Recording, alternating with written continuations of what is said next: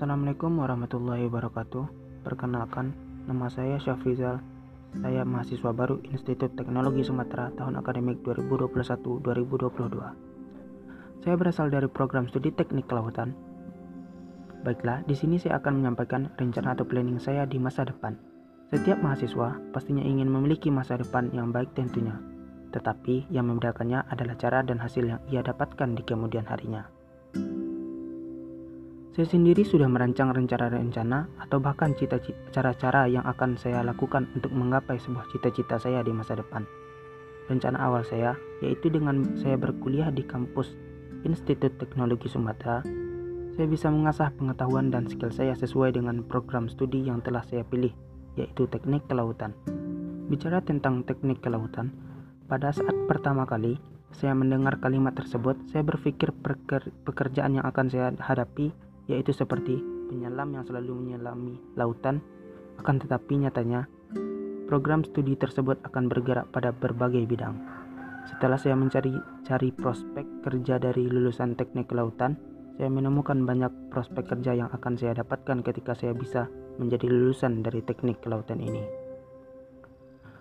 Salah satunya yang saya dapatkan seperti pembangunan infrastruktur atau industri yang punya hubungan erat dengan laut karena pada dasarnya program studi ini sama sekali tidak berhubungan dengan biota-biota ataupun jenis-jenis hewan yang ada di laut, melainkan mempelajari tentang bangunan dan struktur yang berhubungan dengan lautan.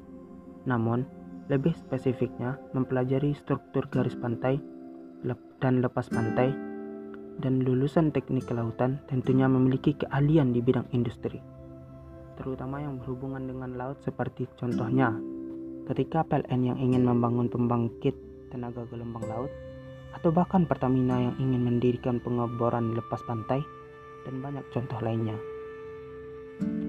Seiring berjalannya pembelajaran, saya sebagai seorang mahasiswa juga bisa mengetahui dan beradaptasi dengan lapangan pekerjaan walaupun masih berkuliah di Institut Teknologi Sumatera.